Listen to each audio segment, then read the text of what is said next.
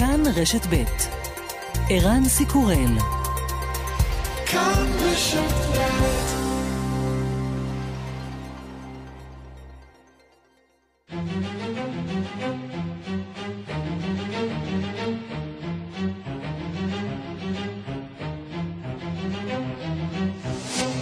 השעה הבינלאומית 23 באוגוסט 2020 והיום בעולם. אמריקה מוכת הקורונה נמצאת גם בעיצומה של עונת ההוריקנים, וזה שבוע מחכה לתושבי לואיזיאנה וטקסס.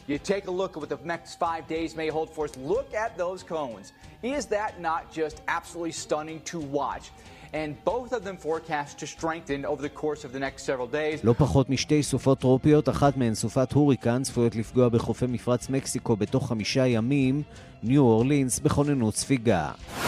סופת הוריקן פוליטית, הוושינגטון פוסט חושף הקלטות ובהן נשמעת אחותו הבכורה של דונלד טראמפ, השופטת מריאן טראמפ ברי, בהן היא מספרת בדיוק מה היא חושבת על אחיה הצעיר. הוא משנה סיפורים, לא לומד את החומר, משקר ופונה לבסיס התמיכה שלו, מה הוא עושה לילדים בגבול. אחותו של טראמפ גם מטילה צל כבד על השכלתו באוניברסיטת פנסילבניה.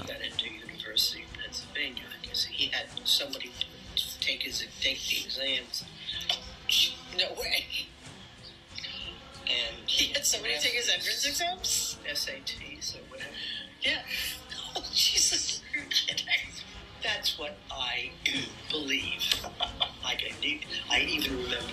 הוא נכנס לאוניברסיטת פנסילבניה, אני חושבת שהוא שלח מישהו אחר שיעשה בשבילו את הבחינות הפסיכומטריות, זה מה שאני מאמינה.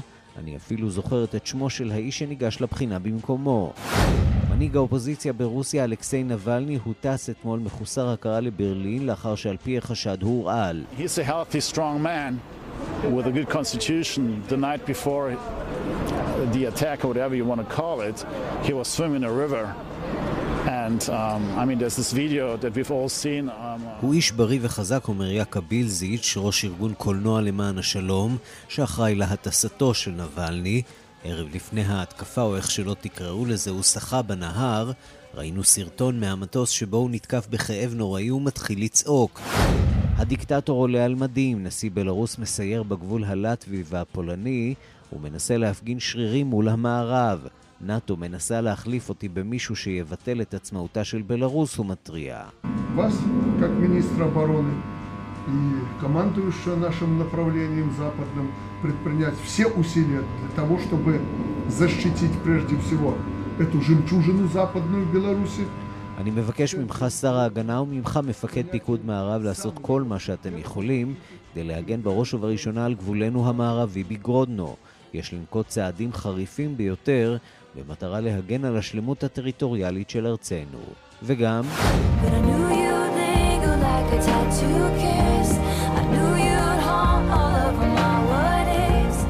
סטודנטית פורטוגלית בבריטניה שנקלעה למצוקה כלכלית פנתה לאתר מימון המונים לאחר שלא הצליחה לשלם את שכר הלימוד. סיפורה הצליח לרגש רבים ופתח את ליבה של הזמרת טיילור סוויפט, שתרמה לה לא פחות מ-30 אלף דולר ישירות לחשבון הבנק ללא היכרות מוקדמת. אלבומה החדש של טיילור סוויפט, פולקלור, נמצא במקום הראשון במכירות, וכנראה שמגיע לו להיות שם עוד שבועות ארוכים.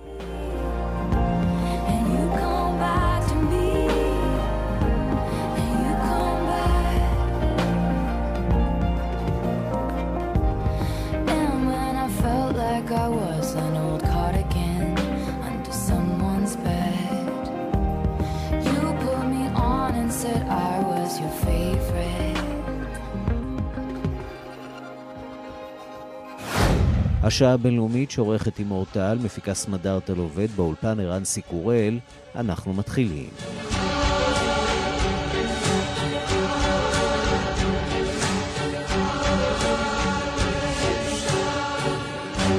שלום לכולכם ושלום לטכנאי שלנו רומן סורקין. הדרמות סביב משפחת טראמפ לא פוסקות לרגע אחרי הספר של אחייניתו של טראמפ, בו ניסתה להסביר את אה, התנהגותו של דודה הנשיא באמצעות אה, ניתוח פסיכולוגי של אה, מערכת יחסיו הסבוכה עם אביו.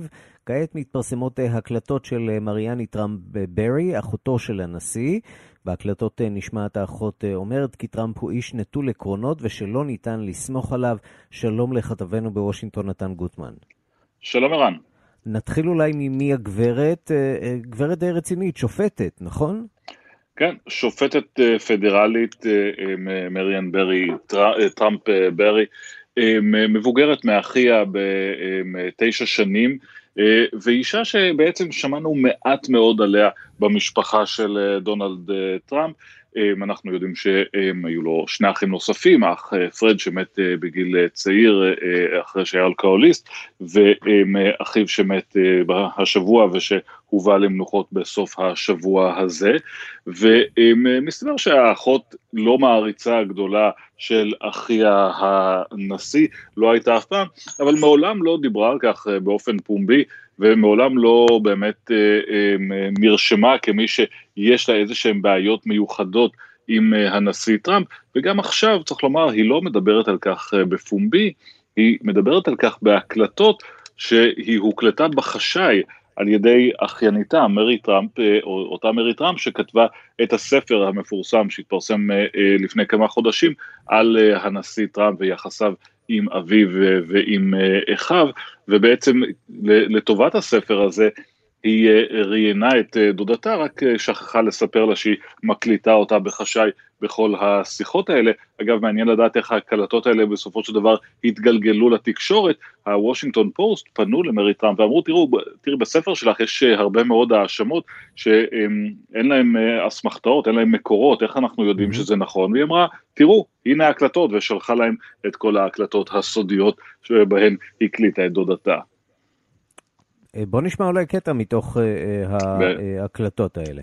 This goddamn tweet and the lying. Oh my God, I'm talking too freely, but you know, it, it, the change of stories, the lack of preparation, the lying, the holy.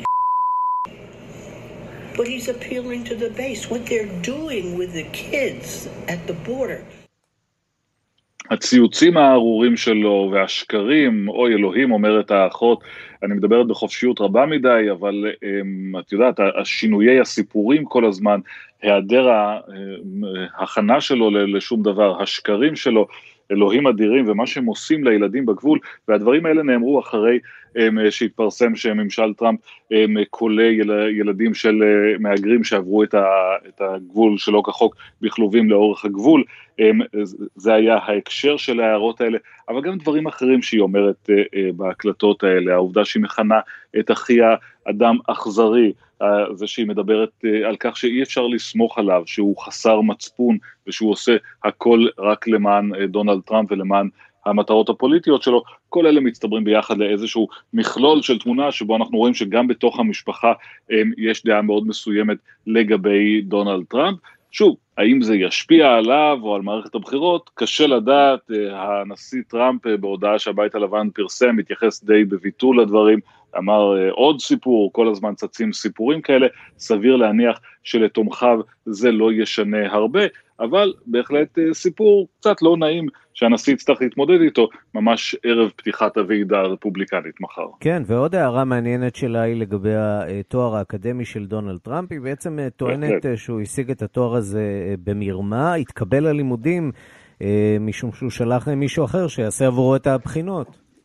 בהחלט, ועכשיו בעצם מתברר שהיא המקור לטענה הזאת שהועלתה לראשונה בספרה של מרי טראמפ, שבו היא אומרת, מישהו, הוא שלח מישהו במקומו להיבחן בבחינות הקבלה לאוניברסיטה, וכך הוא התקבל לאוניברסיטת פן היוקרתית, היא אומרת, אני אפילו זוכרת את שמו של האיש שהוא שלח במקומו, זו טענה די רצינית על מרמה שקרתה לפני המון המון שנים, אבל בהחלט משהו ש... מאוד יכול להעיב על הביוגרפיה של דונלד טראמפ, הוא אגב מתפאר לא פעם בכך שהוא למד באוניברסיטה יוקרתית, וזאת עדות לכך, לעליונות השכלית שלו, ועכשיו אולי זה קצת מטיל בכך ספק, אבל שוב, אלה זיכרונות מלפני המון המון שנים, וגם בשלב הזה אין עדויות מעבר לדבריה של האחות, לכך שהוא באמת עשה את זה. כן, ואולי בגלל הסכסוך המשפחתי הזה, אחוז ניכר מהדוברים בוועידה הרפובליקנית שצפויה בשבוע הבא, יהיו בני משפחת אה, טראמפ, וגם זה מעניין. בואו נעבור מכאן אה, לסוגיה שאולי תהיה הסיפור המרכזי באמריקה בשבוע הבא, פגעי מזג האוויר, שתי סופות שמאיימות להפוך אה, להוריקנים ולהכות באזור מפרץ מקסיקו. נראה ששוב לואיזיאנה על הכוונת, לואיזיאנה וטקסס, ניו אורלינס, זה לצד כמובן שריפות ענק בקליפורניה שמוסיפות להשתולל.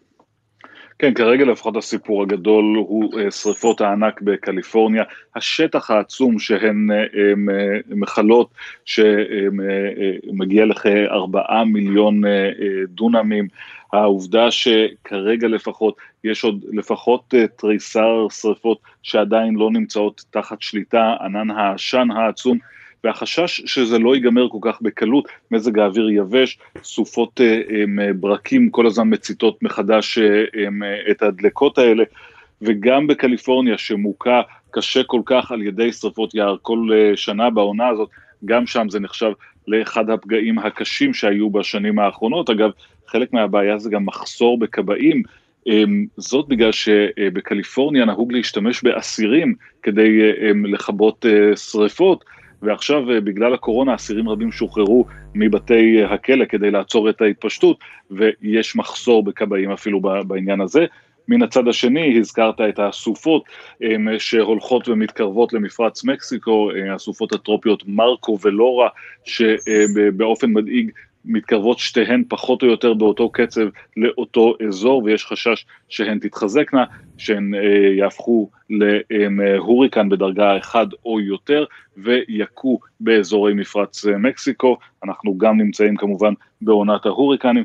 מיותר לציין שאמריקה עכשיו, שמתמודדת עם התפרצות של מגפה, בעיקר במדינות אה, הדרום, הדבר האחרון שהיא צריכה זה גם אה, אה, סופות בסדר גודל כזה. נתן גוטמן, כתבנו בוושינגטון, תודה. תודה רבה.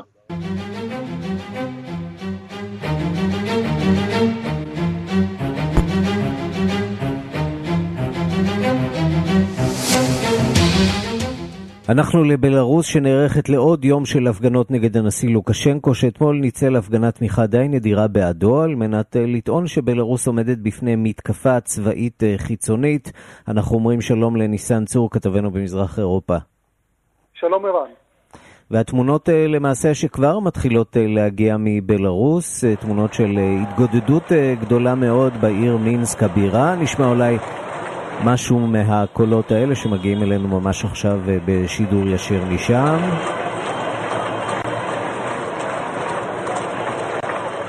כן, הכיכר ללא ספק אה, מלאה, בינתיים זה נראה כמו הפגנה אה, שלווה, נקווה שכך זה יימשך. איפה זה עומד כרגע?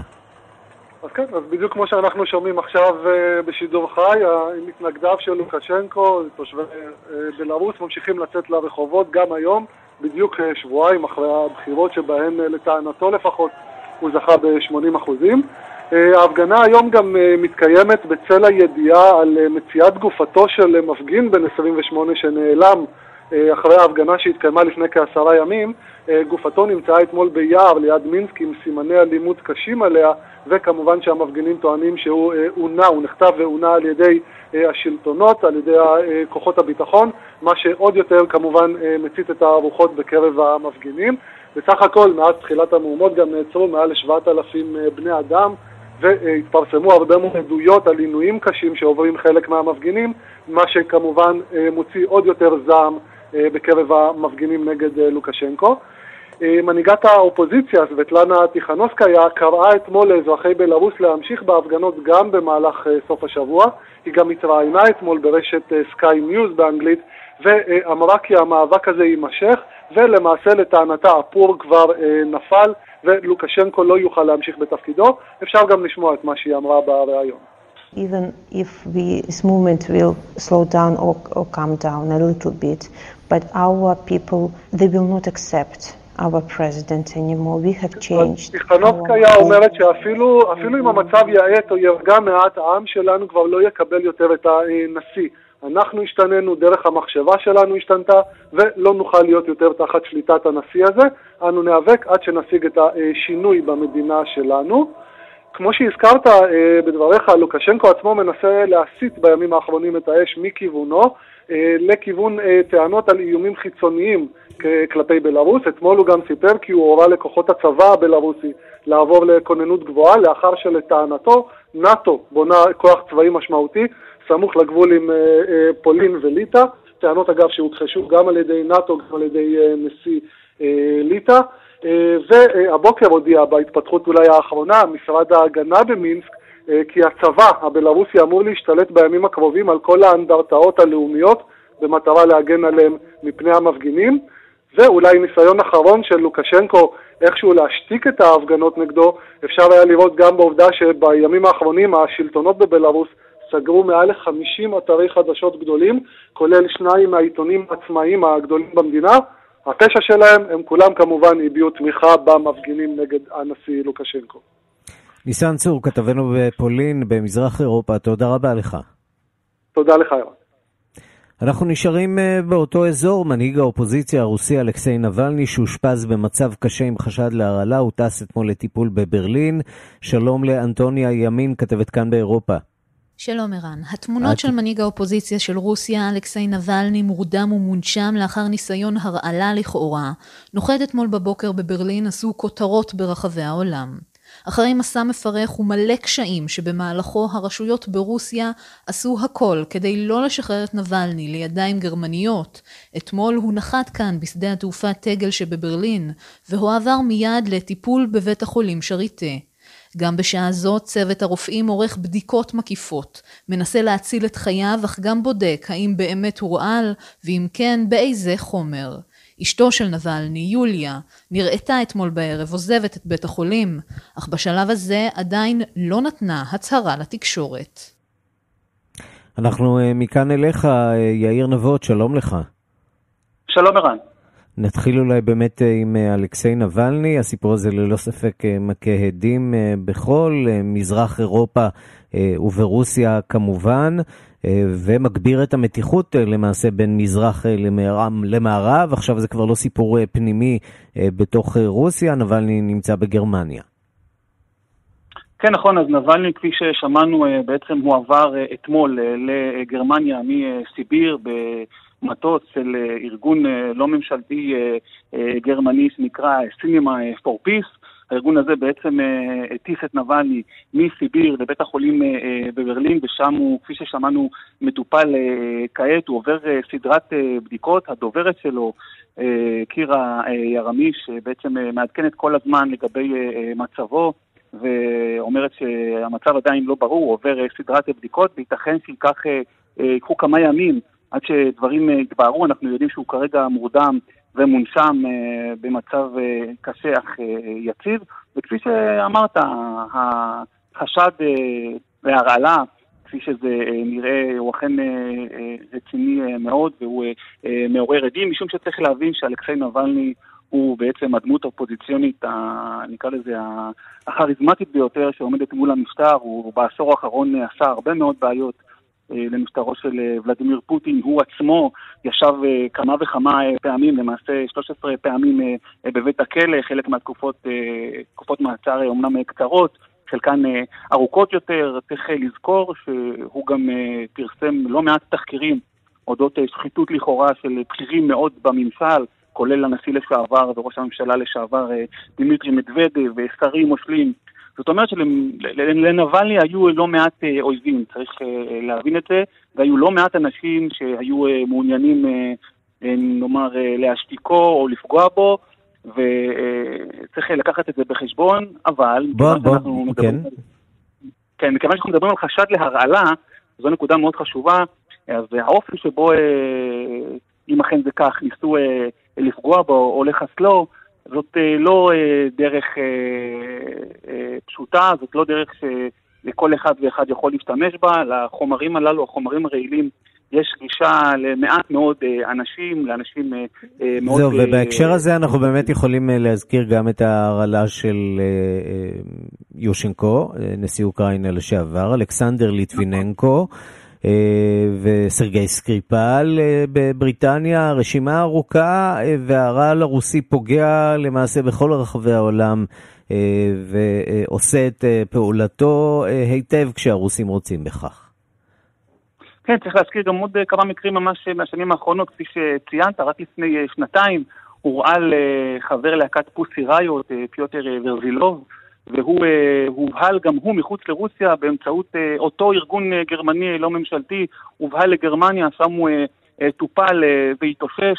היה גם את המקרה של פעיל האופוזיציה ולדימיר קרא מרוז, שגם הוא הורעל, שים לב, פעמיים, פעם אחת ב-2015, פעם שנייה ב-2017, בשני המקרים הוא הובהל לחו"ל והצליח להתאושש, הוא כעת שוהה בגלות, נראה שמישהו ניסה לרמוז לו שיותר בטוח לו לשהות מחוץ לרוסיה, והוא אכן שוהה כרגע בגלות מחוץ לארצות. צריך לומר גם, ערן, שהפעמים שבהם נעשה שימוש ברעל לא תמיד הוכיחו את עצמם, זאת אומרת, מבחינת מי שניסה אולי לחסל את האובייקט שנגדו השתמשו בשיטה הזאת, וייתכן שהמטרה בכלל אולי לא הייתה לחסל, אלא למשל לנטרל.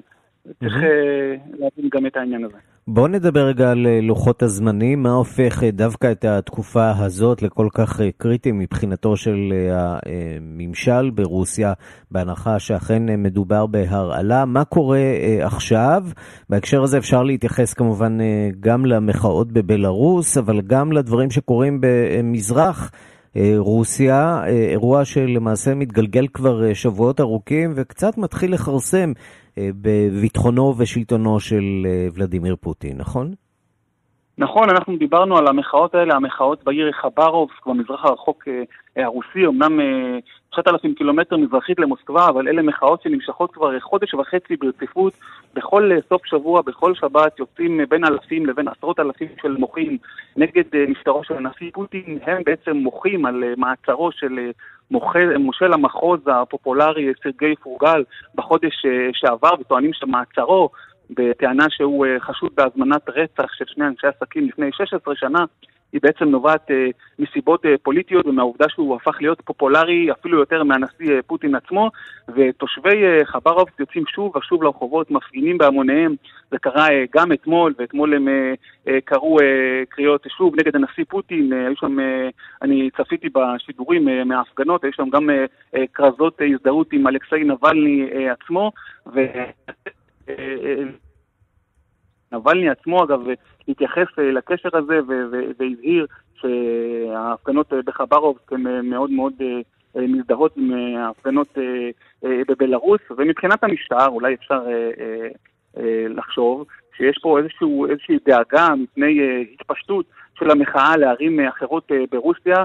זה מגיע בזמן של משבר כלכלי חריף בגלל ההשלכות של משבר הקורונה. וגם ערב הבחירות המקומיות, נכון?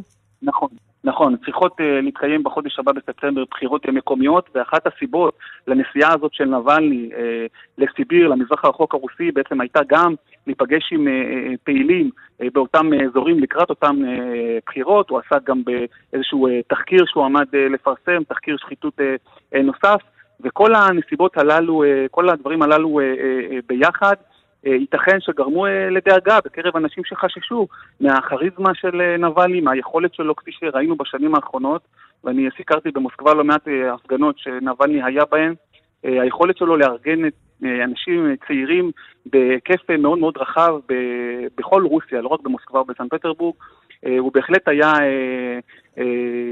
באותן שנים דמות מאוד מאוד כריזמטית שהדאיגה את המשטר.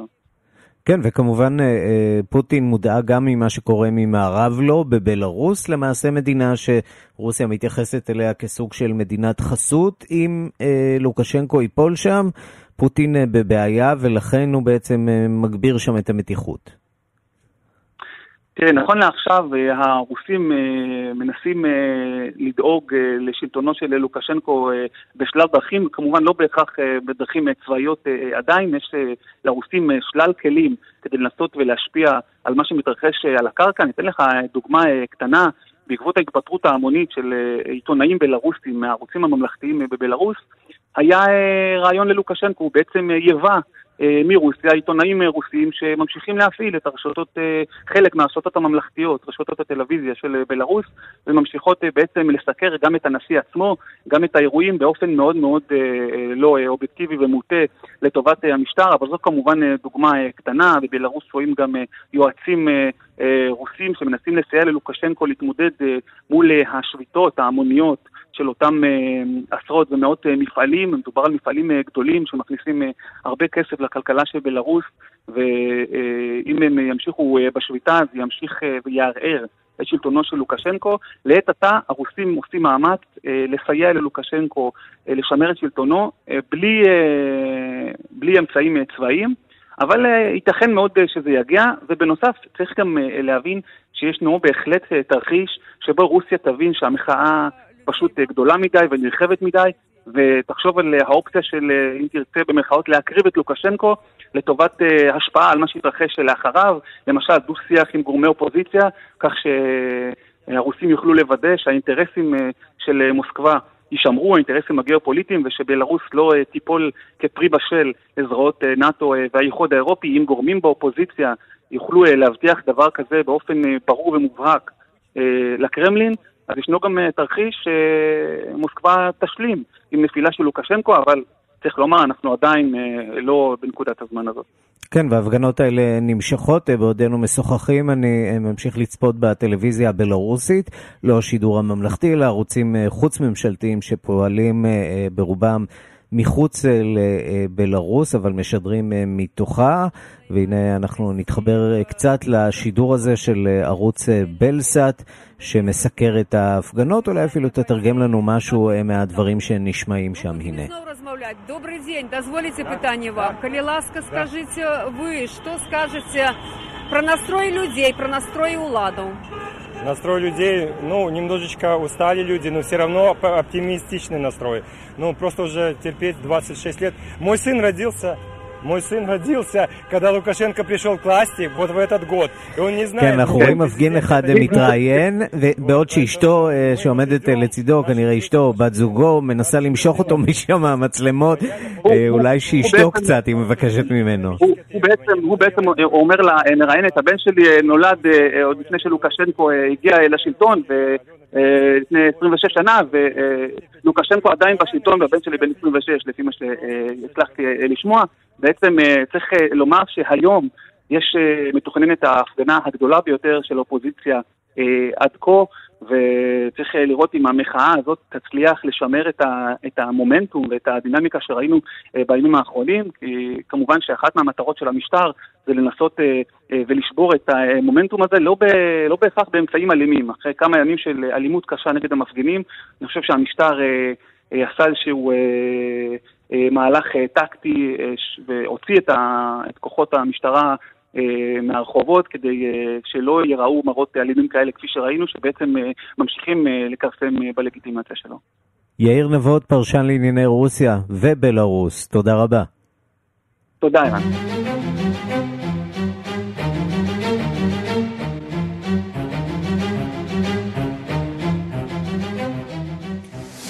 אנחנו להפגנות אה, צעירים, הפעם לא בבלארוס, אלא במקום אחר אה, לגמרי, בצעד אה, חסר תקדים מאז ההפיכה הצבאית האחרונה בתאילנד. הפגנות של צעירים צוברות תאוצה והמפגינים דורשים את התפטרות הממשלה ורפורמות חוקתיות נרחבות. שלום לכתבנו בבנקוק רועי באק. שלום ערן, ערב טוב. לכאורה אה, תאילנד היא מדינה שקצת פחות אה, צריכה להיות מודאגת, שיעור התחלואה שם מהקורונה יחסית אה, נמוך, אפשר להניח שהפגיעה הכלכלית גם כן יחסית נמוכה, ובכל זאת אנחנו רואים כאן תופעה חדשה, חדשה ישנה. חדשה ישנה, נכון. לגבי הקורונה, תאילנד בעצם אחת מהמדינות הבודדות שאפשר לומר עד, עד כה ממש הצליחה להילחם בקורונה. שיעור התחלואה ירדה, הם פשוט סגרו את השערים, סגרו את הטיסות הפנימיות, כמעט, רובן ככולן, אבל זה לא אומר שהכל בסדר. להזכיר לכולם, טאלנט סבלה מהרבה הפיכות צבאיות, כאשר מאז ההפיכה האחרונה של לפני ארבע וחצי שנים בעצם, יש ממשלה שלכאורה נבחרה בבחירות, אבל יש בה הרבה הרבה מהאנשים של החונטה הצבאית אה, לשעבר. ראש הממשלה למשל הוא מי שהיה הרמטכ"ל, ראש הצבא בזמן, בזמן ההפיכה. והנה, בזמן האחרון, בחודשים האחרונים, יש פשוט, uh, מתחיל איזשהו טרנד, מתחיל איזשהו, מתחילה פה יוזמה של צעירים, פשוט חבר'ה צעירים, סטודנטים, רובם סטודנטים, אגב גם בבתי ספר תיכוניים, יותר צעירים מסטודנטים, שפשוט עולים ודורשים להפגין, וממש בשבועות האחרונות, האחרונים זה פשוט צבר תאוצה. הממשלה שכאמור, שוב, יש כאן אה, רוב מובהק אה, אה, לחונטה הצבאית שבעצם אה, מרכיבה בעצם את עמוד השדרה של הממשלה, ניסתה איכשהו לעצור את מנהיגי המפגינים, ושימו לב מה קרה, בניגוד לבעבר, מנהיגי המפגינים האלה פשוט שוחררו, שוחררו, הם ממשיכים להפגין. הייתה כאן הפגנה בסוף השבוע האחרון שצ... אה, עם קרוב לעשרת אלפים איש בבנקוק, שוב, מצב חירום בעקבות הקורונה, כוחות צבא, זה לא עזר, הם מפגינים, הם דורשים א', התפטרות הממשלה, הם רוצים אה, אה, ייצוג אמיתי, יש מפלגת אופוזיציה מאוד גדולה שזכתה, אבל לטענת המפגינים בכל מיני אמתלות משפטיות, המפלגה הזאת וראשיה נפסלו, והדודבן שבקצפת אפשר לומר, הם דורשים רפורמות בקודש הקודשים בבית המלוכה.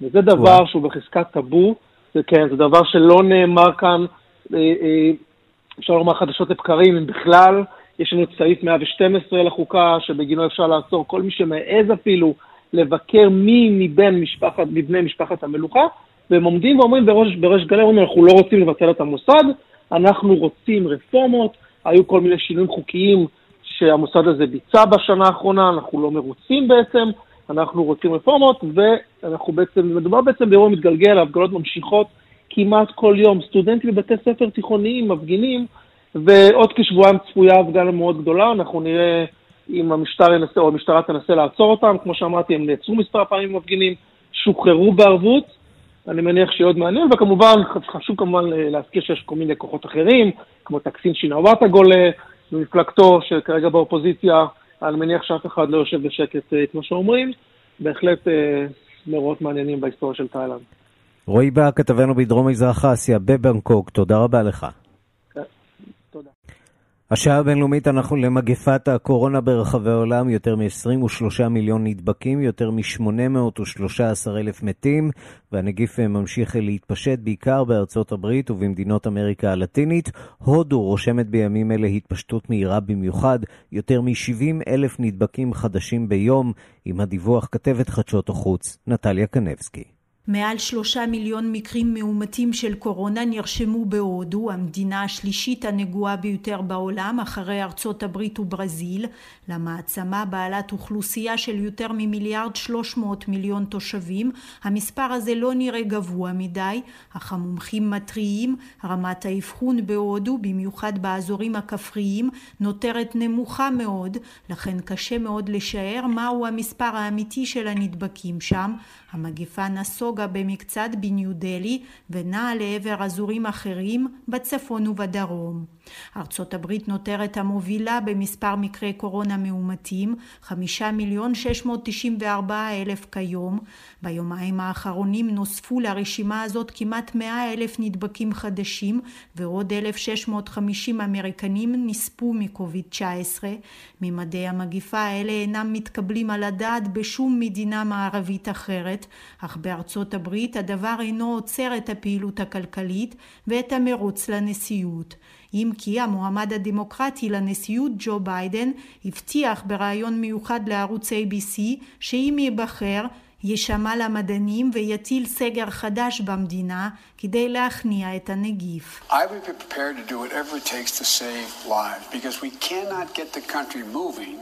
Until we control the virus. יהיה מוכן לעשות את כל אשר נדרש כדי להציל חיים. איננו יכולים לדחוף את המדינה קדימה לפני שיש לנו שליטה על הנגיף. וזה הכשל המהותי של הממשל הנוכחי. כדי שהמדינה תמשיך להתקדם, לרוץ, לנוע, כדי שהכלכלה תמשיך לצמוח והאנשים ימשיכו להיות מועסקים, צריך לפתור את בעיית הנגיף, טען ג'ו ביידן והדגיש לא אהסס להטיל סגר חדש. I would shut it down. I would listen to the scientists. הייתי מטיל מחדש את הסגר, הייתי שומע למדענים. גם במדינות אירופה המערבית נמשכת עלייה במספר המקרים החדשים של קורונה, אך הממשלות שם טוענות שזאת תוצאה של אבחון מסיבי ושמספר החולים במצב קשה הדורשים אשפוז אינו עולה לפי שעה. השאלה שעליה שוקדים כעת באירופה, איך להבטיח תחילת שנת לימודים בריאה ומוצלחת ככל האפשר, בריאיון ל-BBC טען פרופסור קריס ויטי, יועץ הבריאות הראשי לממשלה הבריטית, שמאזן הסיכון כעת הוא בוודאות בעד החזרה הכללית של התלמידים לבתי הספר. הדבר הראשון שחייבים להדגיש, יש הוכחות חותכות שסיכוי המוות מקוביד-19 אצל ילדים קלוש, לשון המדען הבריטי.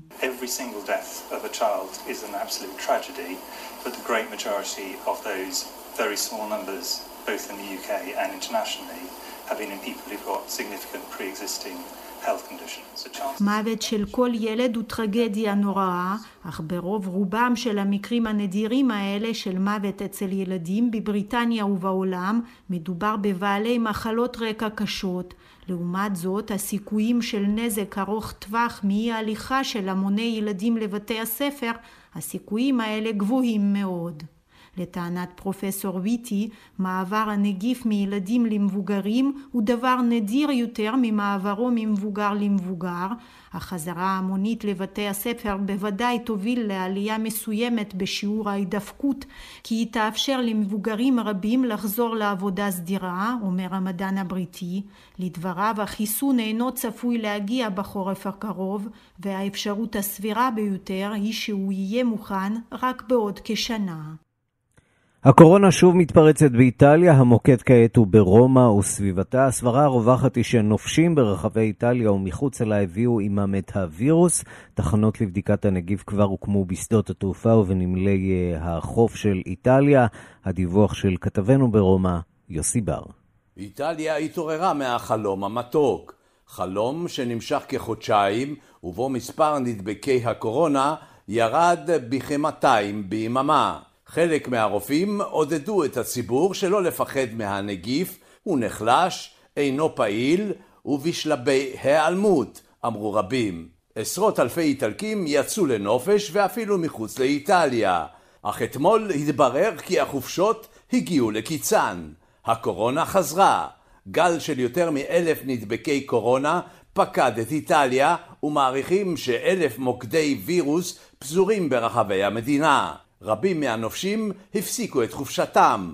הם חוזרים לאיטליה ומביאים איתם את הווירוס. בשדות התעופה ובנמלים הוקמו תחנות לבדיקת הנגיף, והחוזרים עוברים בדיקות ומחויבים להישאר עד למתן התשובה. האי סרדניה, שהיה נקי מקורונה, הפך למוקד של מאות נדבקים. הנופשים ממהרים לחזור לביתם. בלגן הבדיקות בעיצומו, והנתונים האחרונים מורים כי מחוז לאציו, שבירתו רומא, החליף את לומברדיה במספר הנדבקים הגדול. הממשלה מבטיחה שלא להטיל סגר כמו בעבר, אך נדבקי קורונה מאלצים אותה לסגור חופי ים, דיסקוטקים ומקומות ציבוריים. Dovremo chiedere o meno al governo nazionale di ripristinare la limitazione della mobilità interregionale. מושל מחוז קמפניה, שבירתו נפולי, דה לוקה, ידרוש מהממשלה לבודד את מחוזו. משרד הבריאות מתנגד, ואילו הפוליטיקאים חושבים על טובתם האישית לקראת הבחירות האזוריות בעוד כחודש. כאן יוסי בר, רומא.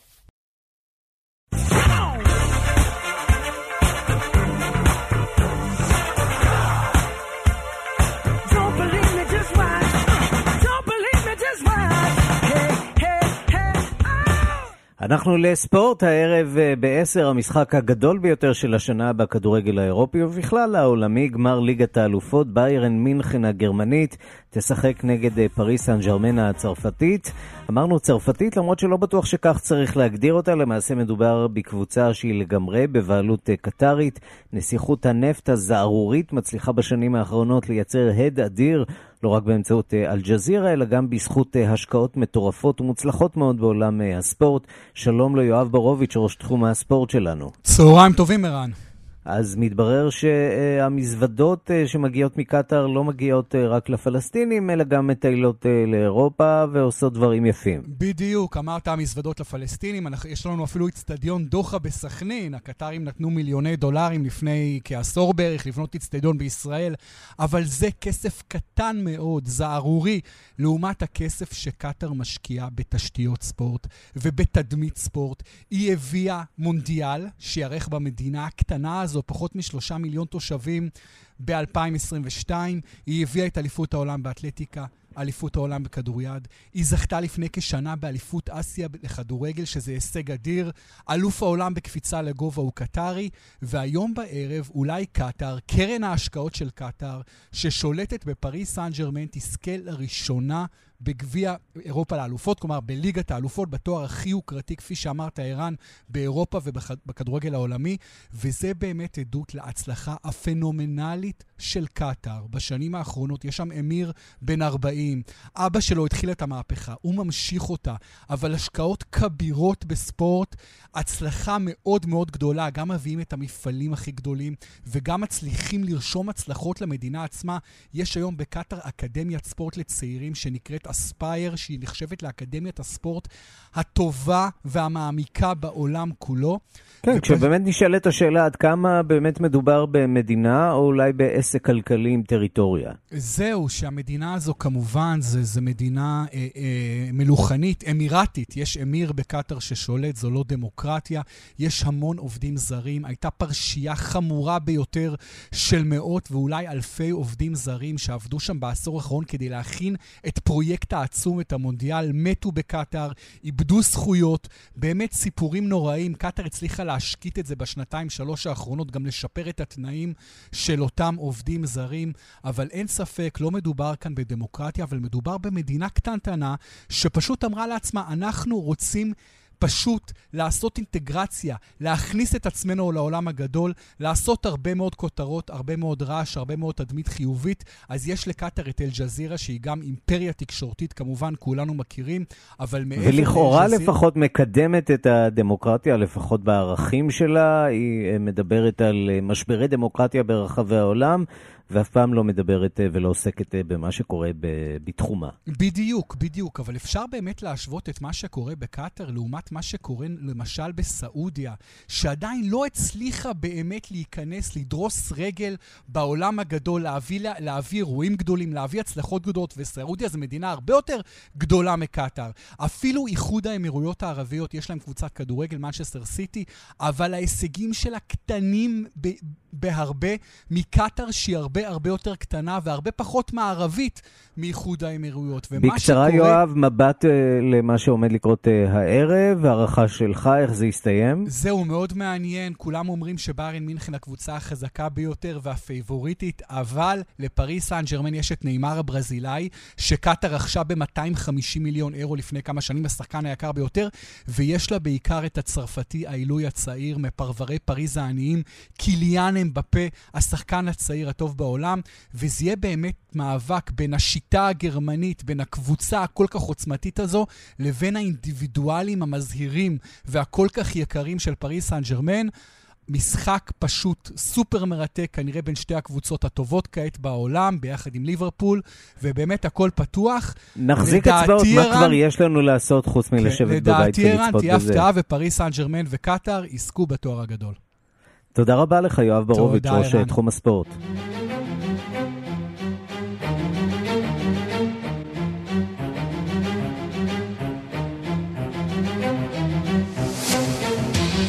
עד כאן השעה הבינלאומית, מהדורת יום ראשון, הראשונה בשבוע, העורכת עם אורטל, המפיקות סמדארטה עובד ואורית שולס, הטכנאים רומן סורקין ושמעון דוקרקר, אני רנסי קורל, אחרינו רגעי קסם עם גדי לבנה. אנחנו נפגשים שוב בשתיים לפנות בוקר בשידור החוזר, וגם מחר בשתיים בצהריים עם מהדורה חדשה של השעה הבינלאומית.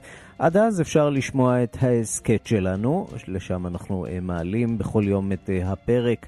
הנוכחי של אה, השעה הבינלאומית. אפשר ליצור איתנו קשר גם באמצעות אה, כתובת הדואר האלקטרוני שלנו, בינלאומית את כאן.org.il. המשך יום מצוין.